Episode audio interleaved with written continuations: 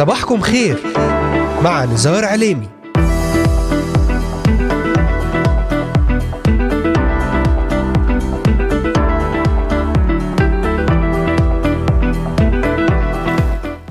أهلا وسهلا بجميع مستمعات ومستمعي إذاعة صوت الأمل وبجميع الذين انضموا الآن لبرنامج صباحكم خير. اليوم الاثنين الواحد والعشرين من شهر نوفمبر تشرين الثاني للعام 2022 يوم جديد وبداية أسبوع مبارك على الجميع. معكم على الهواء مباشرة نزار عليمي. أهلا وسهلا بكم في إذاعتكم صوت الأمل. أرحب بمستمعينا من الأراضي المقدسة ومن بلدان الشرق الأوسط وشمال أفريقيا من سوريا لبنان مصر تركيا الأردن والعراق ليبيا اليمن السعودية والكويت من أستراليا أمريكا ألمانيا كندا والسويد والذين يتواصلون معنا ويتابعوننا على مختلف منصاتنا الاجتماعية لإذاعة صوت الأمل. أذكركم أيضا أنكم تستطيعون الاستماع إلينا ومتابعتنا من خلال تطبيق إذاعة صوت الأمل على الهواتف النقالة بعنوان Voice of Hope Middle East أو عن طريق مشاركتنا في قناتنا على اليوتيوب بالبحث عن إذاعة صوت الأمل في بث حي ومباشر. ويمكنكم أيضا تحميل تطبيق آي تيون والبحث عن Voice of Hope Middle East. ويمكنكم زيارة موقعنا الرسمي voiceofhope.com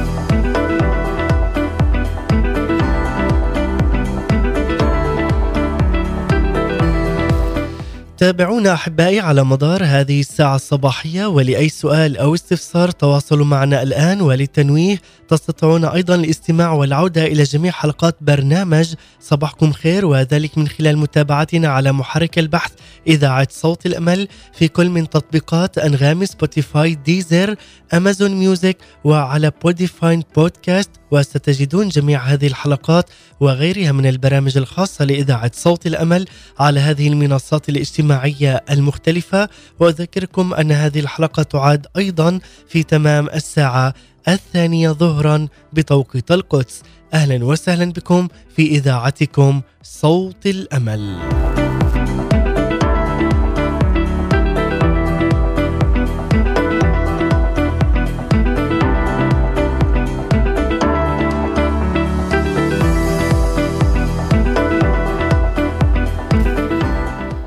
كثيرون يبحثون عن ارتواء معين ليروون ظمأهم في أماكن خاطئة يبحثون عن الحرية السعادة والاستقلالية. لكن الحرية هي بأن أفعل ما يريده الله مني. المرأة السامرية كانت جميلة المنظر تزوجت بخمسة رجال والسادس لم يكن زوجها. كان لديها جاذبية ساحرة للرجال كانت لبقة في الكلام وهذا نلاحظه أيضا في حديثها مع رب المجد. يسوع المسيح وكانت هي متعصبة وطنية محافظة على التقاليد لديها ذكاء خارق وسرعة بديهية لتتواصل مع يسوع.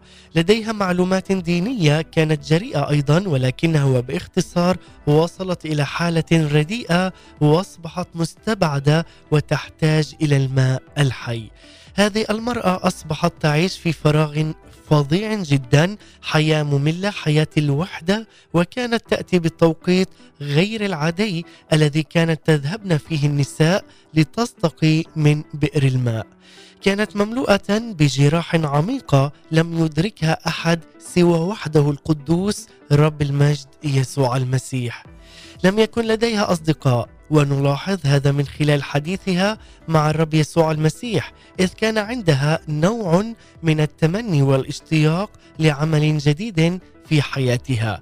باختصار هذه المرأة كان ماضيها أثيم ولكنها التقت بيسوع الفادي والمخلص الحبيب. فادركت أنه هو المخلص فقبلت رحمته وثقت بغفرانه وتغير توجه حياتها. كانت هاربة من الناس فأصبحت ذاهبة للناس. قال لها أعطني لأشرب هو عطشان لنفسك بأن تخلص في هذا اليوم. عطشان ليتقابل معك عز المستمع ويغفر خطاياك لأنه لا يوجد شيء يروي القلب ويملأ العين من الخارج سوى شخص الرب القدوس رب المجد يسوع المسيح. فاليوم أريدك أيضا أنت أن تتقابل معه مقابلة سماوية مقابلة مباركة لك أنت عز المستمع وعزيزتي المستمعة.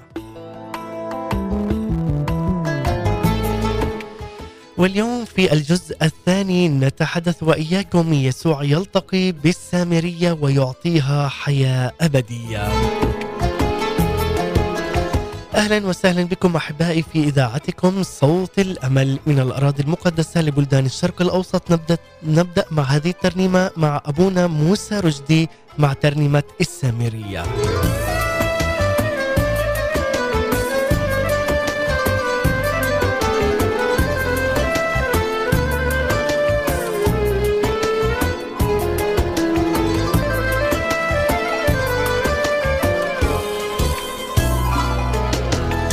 نزل وذهب يسوع البار من اليهودية إلى صوخار يرفع عن السمر العار يكرز ببشارة الملكوت فتعب من طول المشوار وعطش لتوبة الأشرار. فجلس على البر في انتظار نفس يخلصها من الموت. جت مرأة حملة الجرار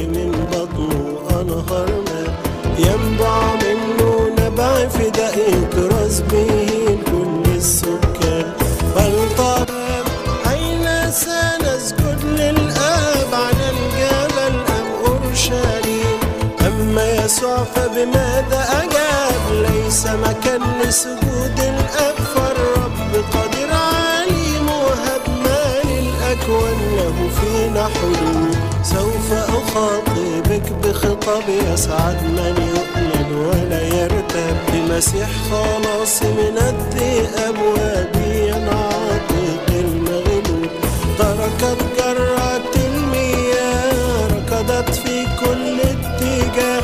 وجدت مسيا ابن الله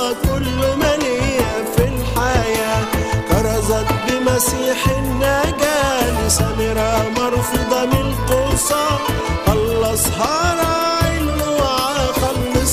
يا رجاء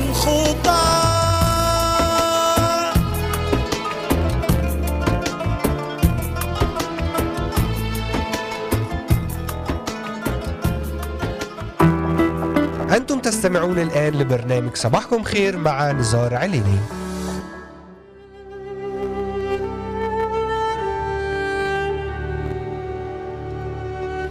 عودة من جديد إليكم أحبائي مستمعي ومتابعي إذاعة صوت الأمل في الأراضي المقدسة وفي بلدان الشرق الأوسط.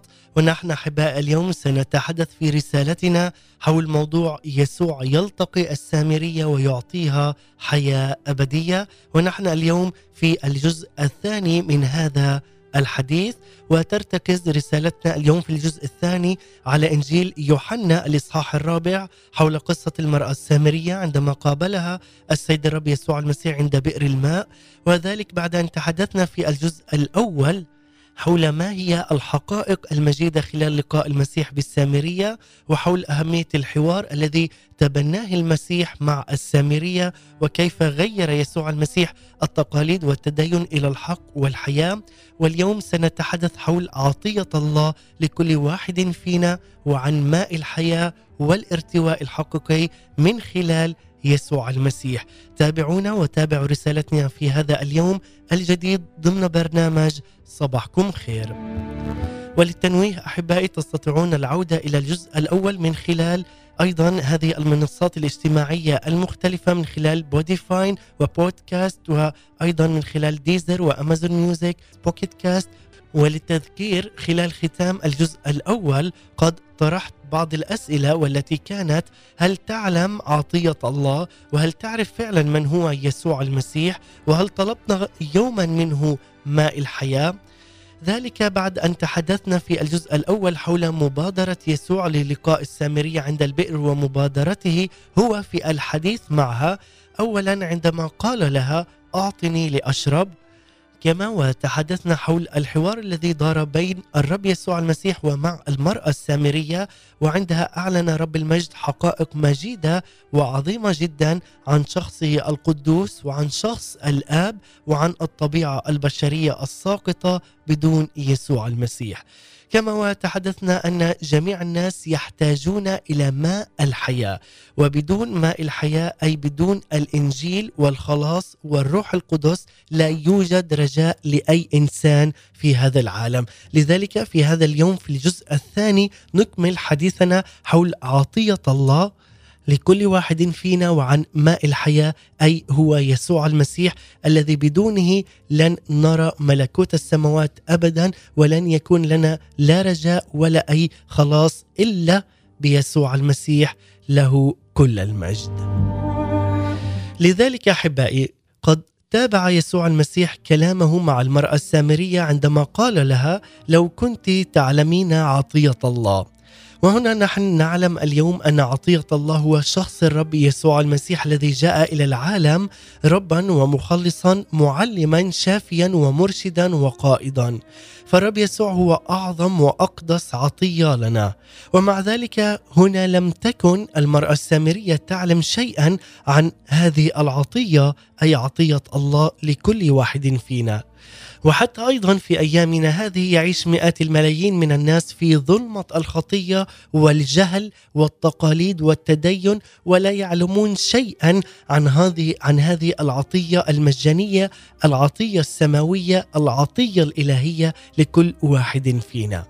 لذلك لو أخذنا السؤال الذي طرحه الرب يسوع المسيح على المرأة السامرية وطرحناه على أشخاص كثيرين فعلينا أن لا نفاجأ إن اكتشفنا أن كثيرين من الناس لا يعرفون عطية الله مما يعني أن على الكنيسة اليوم عمل الكثير ليعرف الناس حول أهمية هذه العطية. لذلك بعد أن تابع أيضا الرب يسوع المسيح خلال لقائه بالسامرية عند البئر وقال لها ومن هو الذي يقول لك أعطني لأشرب هنا لم يتوقع الرب يسوع المسيح من المرأة السامرية أن تعرف بأنه كان المسيا المنتظر ومخلص العالم ولكن سؤاله لها كان بقصد إثارة فضولها وتغيير أيضا تجاه الحوار معها إلى الأمور الروحية. ولكن نحن نعلم أنه في نهاية الحوار عرفت المرأة من هو الذي كان يحاورها؟ ولكن المشكلة هي أنه بعد أكثر من ألفي عام على مجيء السيد الرب يسوع المسيح إلى عالمنا إلى أرضنا فما يزال معظم الناس حتى هم لا يعرفون من يكون يسوع المسيح. لا يعرفون من هو يسوع المسيح. لا يعرفون ما هي هذه العطية السماوية عطية الله لنا. بل أن كثيرون ينكرون قصدا بأنه هو الرب والمخلص. فهناك من يقول أنه مجرد نبي ومن ينكر مساواته للاب في الجوهر وهناك من ينكر أيضا عمله على الصليب وينادون فقط الخلاص بالأعمال. وهذا مرفوض تماما. ولذلك عزيزي المستمع كما بدأنا أيضا في بداية هذا اليوم ولأننا كنا على بعض هذه الأسئلة المطروحة والتي طرحتها بأن هل تعرف عطية الله وهل تعرف فعلا من هو يسوع المسيح وهل طلبت منه فعلا ماء الحياة؟ رغم الطابع الروحي لهذه الأسئلة والواضح جدا التي طرحها الرب يسوع المسيح على المرأة السامرية إلا أن فكرها كان ما يزال منصبا في الأمور المادية.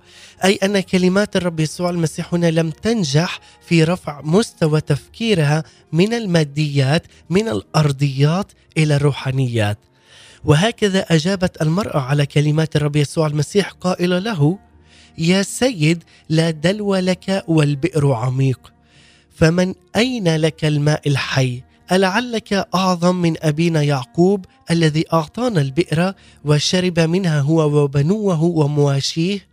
هنا من خلال هذه الآية التي قرأناها من إنجيل يوحنا الإصحاح الرابع هنا يقول رغم حديث يسوع المسيح معها وتحدث معها عن عطية الله والماء الحي وحقيقة شخصه القدوس أي رغم أنه غير اتجاه الحوار من الأرضيات إلى السماويات لكن هنا فكر المرأة بقي محصورا وخاصة هذه المرأة السامرية بقي محصورا في الحاجات الجسدية والأرضية بل أنها أطنبت في الحديث عن الأمور الأرضية.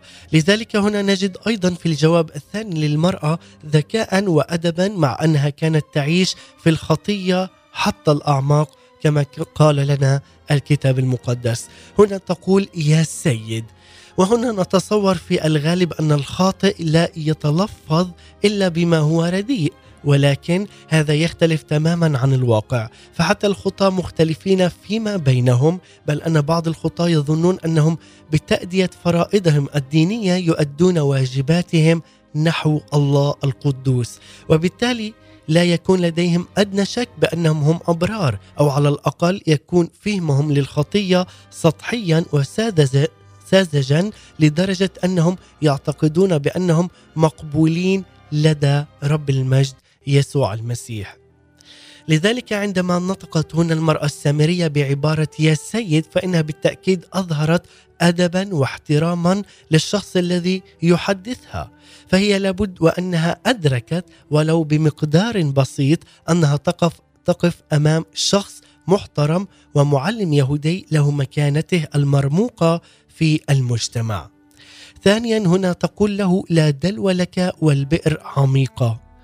هذه الملاحظة التي نطقت بها المرأة السامرية تدل على حكمة أرضية محدودة جدا، فمع أنها ملاحظة صحيحة هنا إلا أنها قاصرة عن رؤية الأشياء بعين الإيمان. كما وان هذا القول يبرهن على أن المرأة السامرية هنا كانت تفكر بالأرضيات فقط وهنا الدلو هو أداء الحصول على الماء والبئر هو منبع ومكان الماء.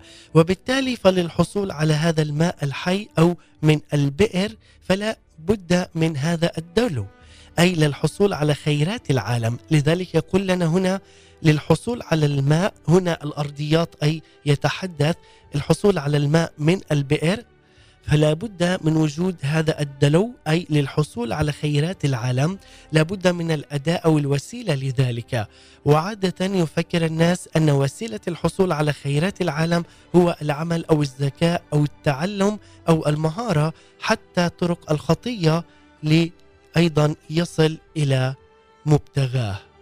لذلك كثيرون منا يمرون بظروف صعبة في الحياة.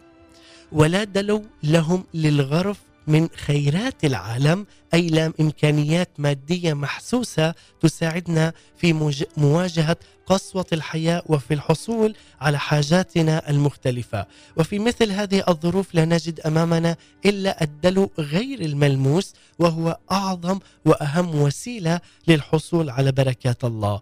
أي هو الإيمان وهذا إيماننا العامل من خلال الصلاة والمحبة لشخص الرب يسوع المسيح الذي لا يترك أولاده وبناته ابدا. لذلك هذا الإله القدوس هو أتى لكي يعطيك مكانة ورفعة عظيمة جدا ليرفعك من الأرضيات إلى السماويات ليرفعك من هذا العالم لتمجد اسم يسوع المسيح عاليا في السماويات. لذلك لا دلو لنا فمصادرنا المالية أو حتى الأرضية هي محدودة فعدد كبير من المؤمنين المسيحيين في دول العالم أيضا المختلفة هم أيضا عمال وبسطاء أو موظفين عاديين ولا يوجد لهم أي مصادر دخل كثيرة لكن بالرغم من ذلك نستطيع أن نقول وبثقة تامة أن الرب هو معنا لم ولن ينسانا وهو ضابط الكل وهو فوق الكل. هو معنا في الضيق وهو الذي يشبعنا من خيراته وهو الماء الحي وهو الذي يروينا من عطاياه في كل يوم وفي كل صباح ومساء في كل يوم جديد لك عز المستمع. لذلك عليك أن تعلن معنا وتعلن بإيمان عظيم. أن يسوع المسيح هو أعظم معلم أعظم مرشد وهو الذي يعطينا الحياة والبركة والخير. لنفتخر بشخص الرب يسوع المسيح. لنفتخر به هو أبانا الذي في السماوات. لذلك عز المستمع عليك أن تأتي بثقة ويقين أن الرب يسوع المسيح هو الذي دائما يبادر والذي هو يتحدث معك اولا وهو الذي يريد أن ينشلك من خطاياك وأن يرفعك من مزبلة هذا العالم ليجلسك مع شرفاء شعبه.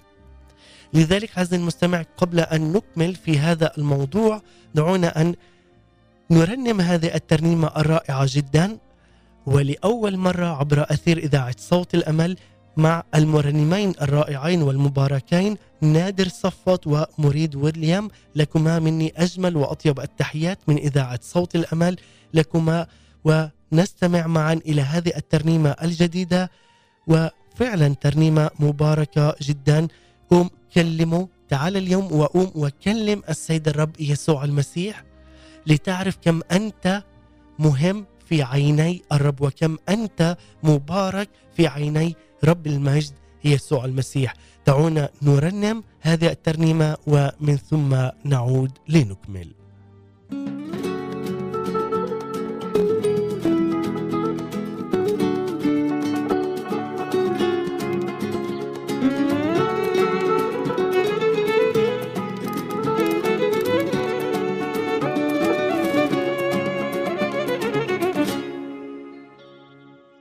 لما تلقى الموج بيعلى ومركبك اتكسرت والضيقات بتزيد كمان وفي سلامك أثرت.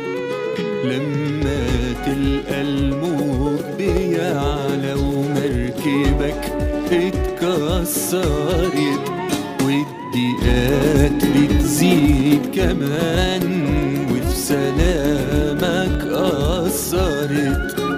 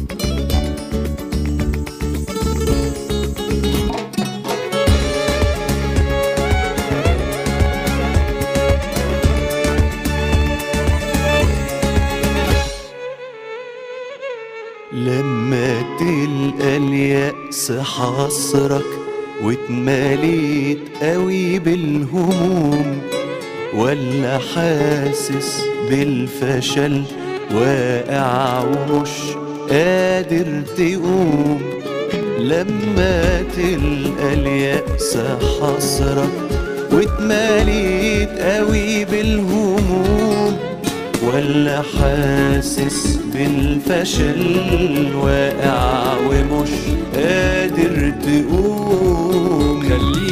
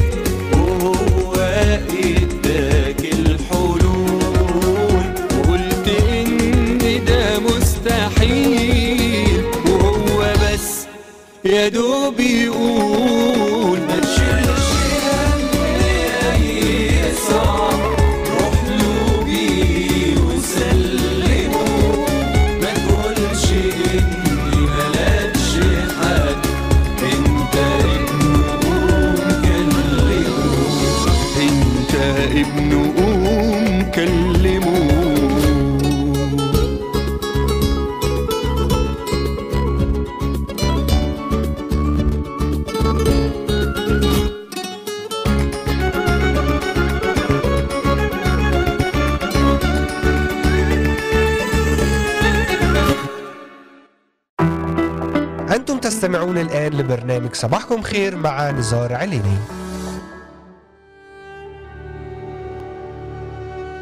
نعم أنت ابنه قوم كلمه ومع هذه الترنيمة الجديدة ولأول مرة عبر أثير إذاعة صوت الأمل مع المرنمين الرائعين نادر صفوت ومريد ويليام.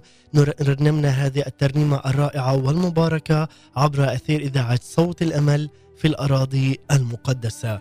واليوم أحبائي المستمعين نكمل في رسالتنا في الجزء الثاني حول موضوع يسوع يلتقي بالسامرية ويعطيها حياة أبدية.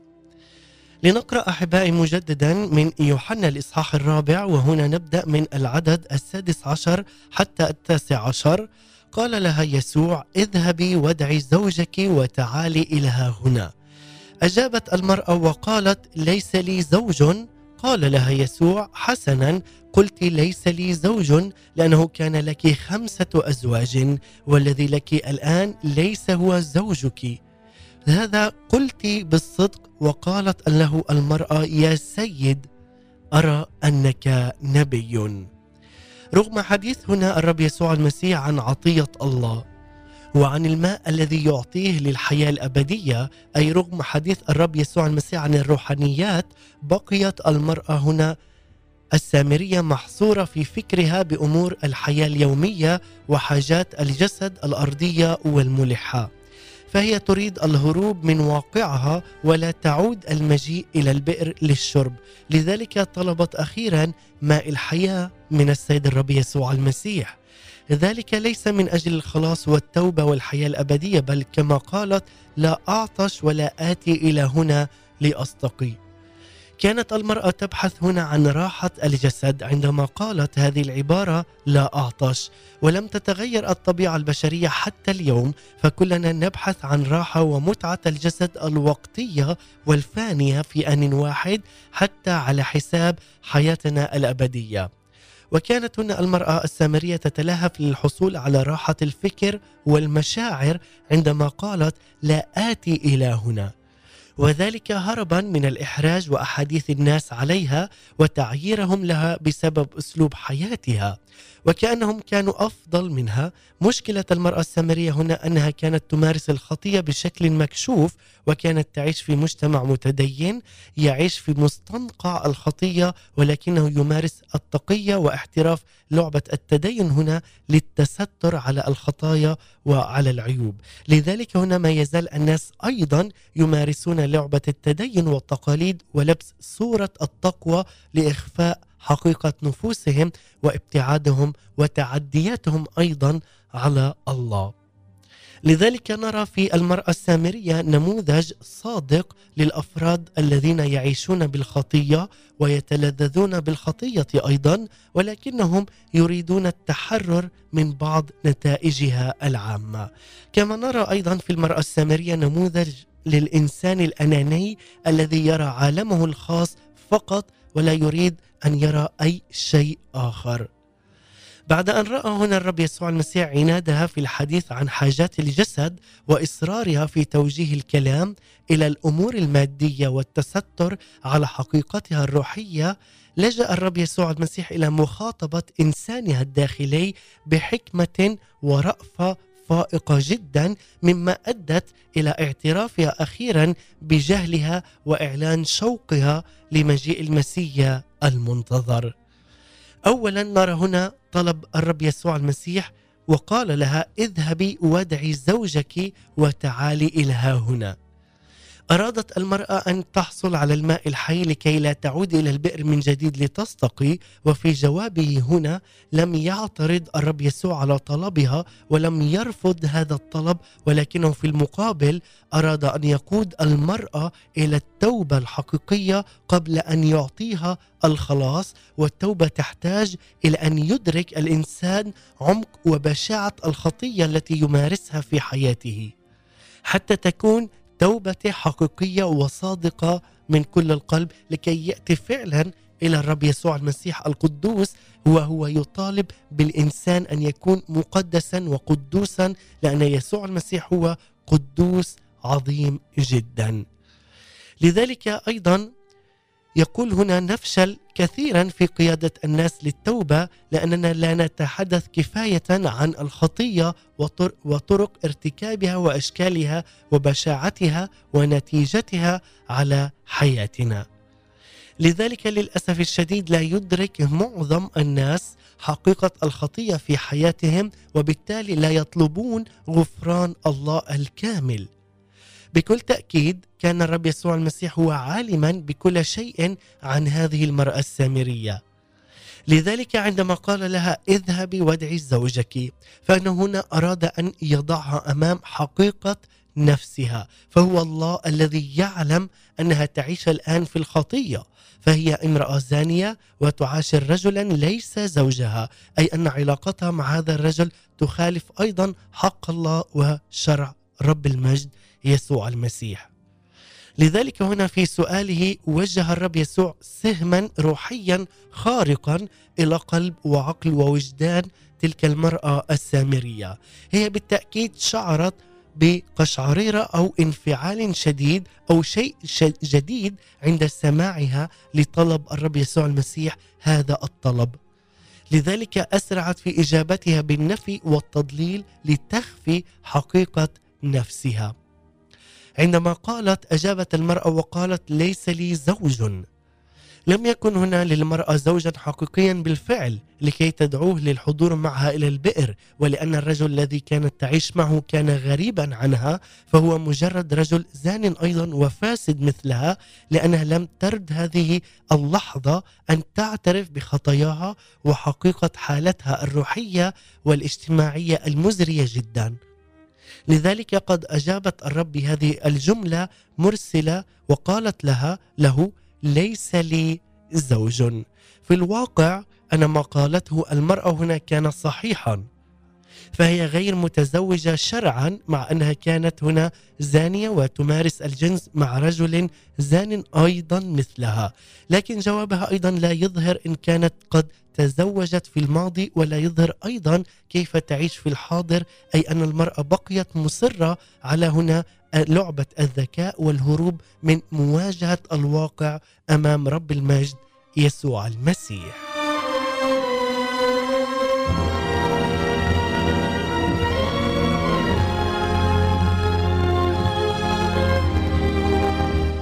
لذلك هنا الرب يسوع المسيح يكشف حقيقة المرأة السامرية بتوضيح جوابها له. قال لها الرب يسوع في البداية حسنا قلت ليس لي زوج. فهي هنا على الأقل لم تكذب وتدع أن الرجل الذي تعيش معه كان زوجها. فالمسيح هنا امتدح الشق الصحيح في جوابها. مع أن جوابها كان ناقصا حيث أنها أخفت ماضيها وحاضرها أيضا.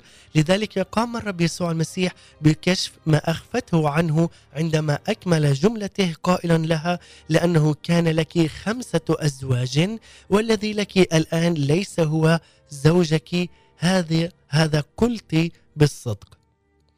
هنا الرب يسوع المسيح هز كيان المرأة السامرية من الأعماق وذلك برفعه الحجاب والستار عن ماضيها وحاضرها أيضا في نفس الوقت.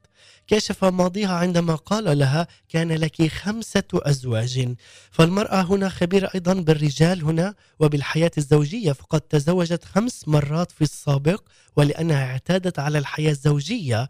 كذلك لأنها لم تجد زوجا سادسا لتعيش معه بعد طلاقها أو انفصالها عن الزوج الخامس. قد لجأت إلى الخطية والزنا لتلبية شهوات جسدها. لذلك عزيزي المستمع يعيش الناس أيضا في هذا اليوم في مستنقع الوحل والخطية وهم بعيدين كل البعد عن السيد الرب يسوع المسيح.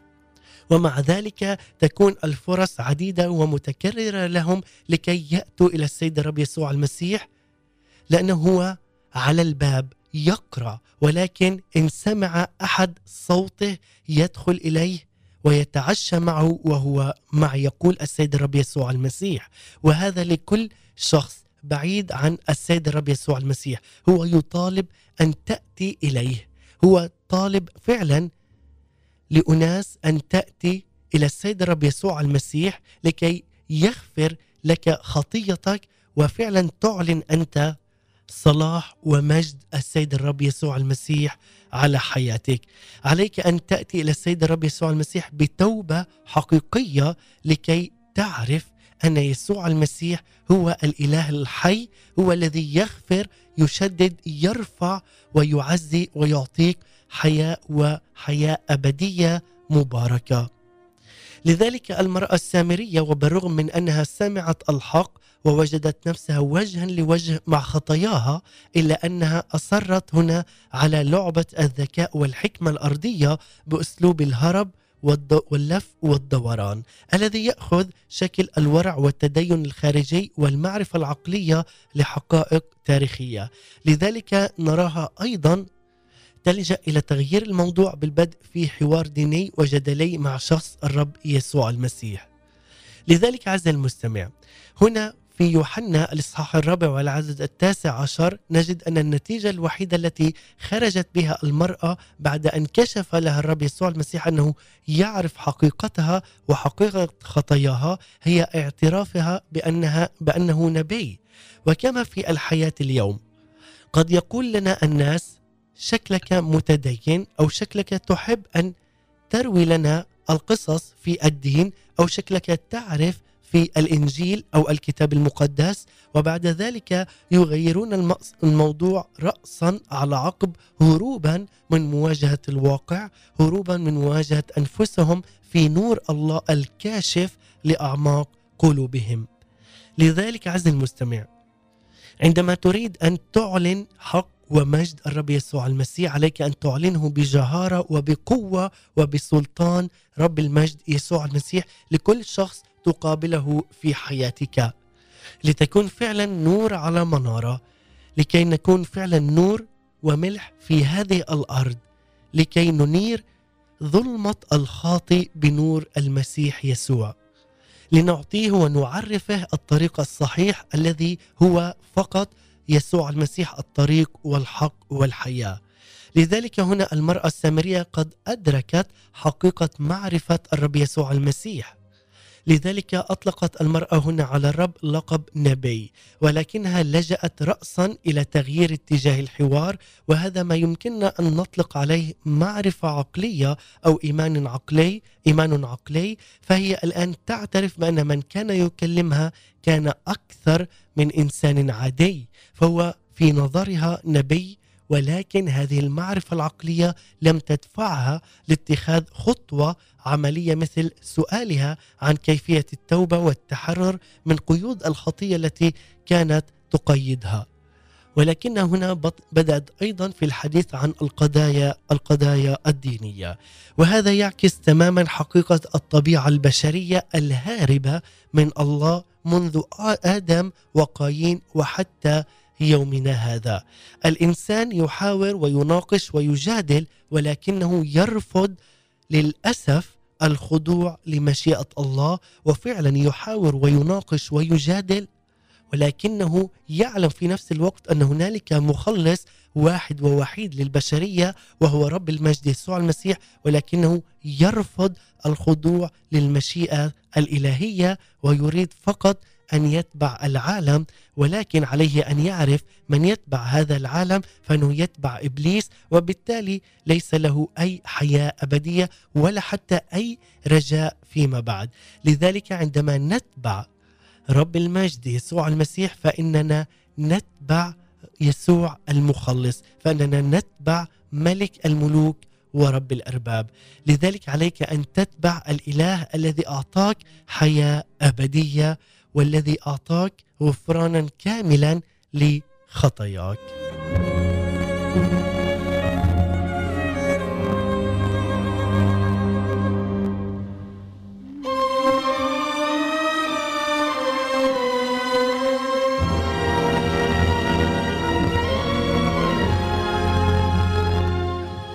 والآن أحبائي قبل الختام ننتقل معا وكما عودناكم في كل يوم اثنين وأربعاء وخميس ننتقل إلى الفقرة الثابتة وهي بعنوان وجبات روحية مع مقدمة وكاتبة هذه التأملات إناس دكور سمعان. وأتمنى لكم وجبة صباحية مباركة وجديدة نقدمها لكم. سنستمع إلى هذه الوجبة المباركة ومن ثم نختتم بترنيمة جدا مباركة مع المرنم مدحت رشدي ترنيمة فوق الرياسات فوق السلاطين اسم يسوع المسيح. لذلك اعلن معنا في هذا اليوم اسم يسوع هو فوق كل الأسماء هو الملك هو السيد وهو الرب على حياتك. لنستمع مع هذه التأملات. إناس دكور سمعان ونختتم بترنيمة. ابقوا معنا. وجبات روحية صباحية عصرية ومسائية. مع إناس دكوهر سمعان. هنا إذاعة صوت الأمل للشرق الأوسط. أهلا بكم. وجبة تأمل في هذا العالم الذي وضع في الشرير المشاكل كثيرة ومتنوعة. لكن الحل واحد ووحيد. هو دم الرب يسوع المسيح. أنا لم أسرق ولم أزني ولم أشهد زور وغيره. لكن ملت عن الطريق لأن كل الجيد الذي بي لا يبررني بل دم يسوع المسيح هو الذي يبررني. كي لا أفتخر بأعمالي العالم لا يرويني ولا يكفني لأنه لا يسدد الاحتياج. فالحاجة إلى واحد هو ربي وسيدي يسوع المسيح هو الذي يشبع بالخير عمري فيتجدد مثل النسر شبابي. وهو الذي يروي كأس ريا أنا أرعب إبليس وكل ملائكته لأن المسيح في رجاء الأمم. أنا أرهب الشيطان لأني أعترف أن لي إلها وربا واحدا هو يسوع المسيح البار. ومهما جربني فالذي بي أعظم من الذي معه. ومهما حاول لن يسلب ميراثي بالمسيح ربي لن يقدر علي. لأني مصنوعة من صخر المسيح. سأهزمه بتسبيحاتي وساسحقه بترنيماتي صباحا ومساء ظهرا وليلا وفي كل أوقات حياتي. مغلوبه كل قوى الشر مسحوقة بدم الحمل. الذي حملته مع يسوع على الصليب. هناك كان لي الفداء كان لي الشفاء كانت لي الغلبة وكانت لي البركة. ثابته فيك ومعك يا قدوس أحمدك بشفاهي إلى مدى الأيام. ربي حبيبي يسوع الشكر والحمد هي لغتك هي مسرة قلبك. أنت حسمت المعركة ولا تنتظر أن نفعل شيئا. لك كل كرامة ومجد إلى أبد الآبدين. آمين.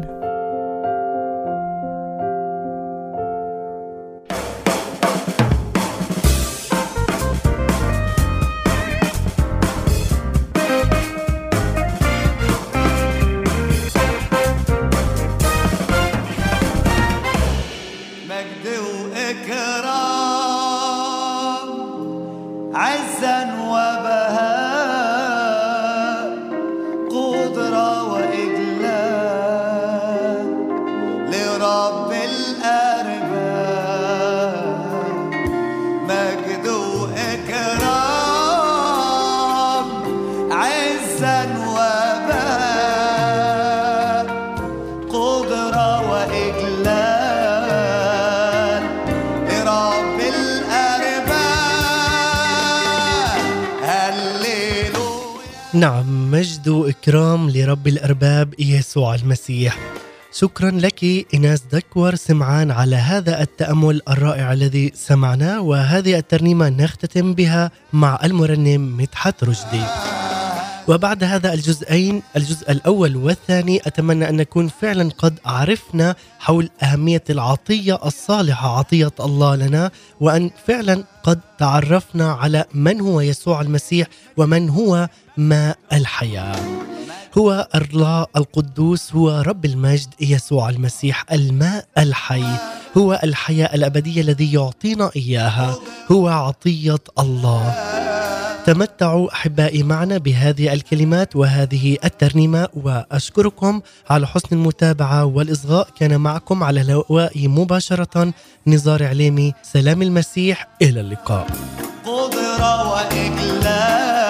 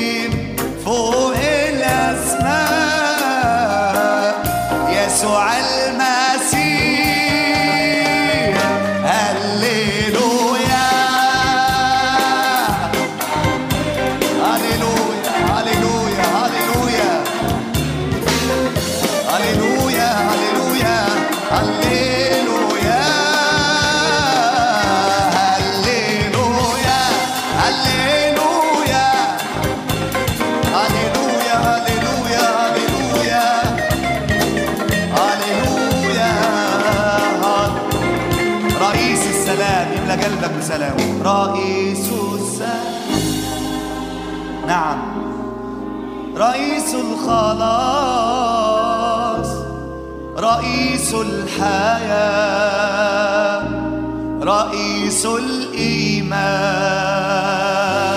رئيس السلام رئيس الخلاص.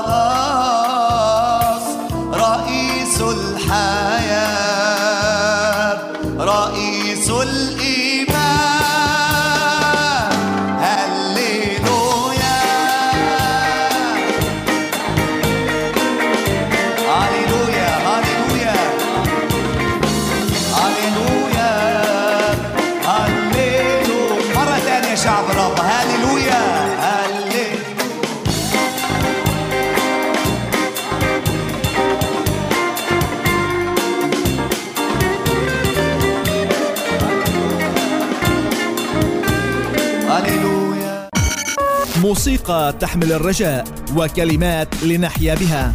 أنتم تستمعون لإذاعة صوت الأمل.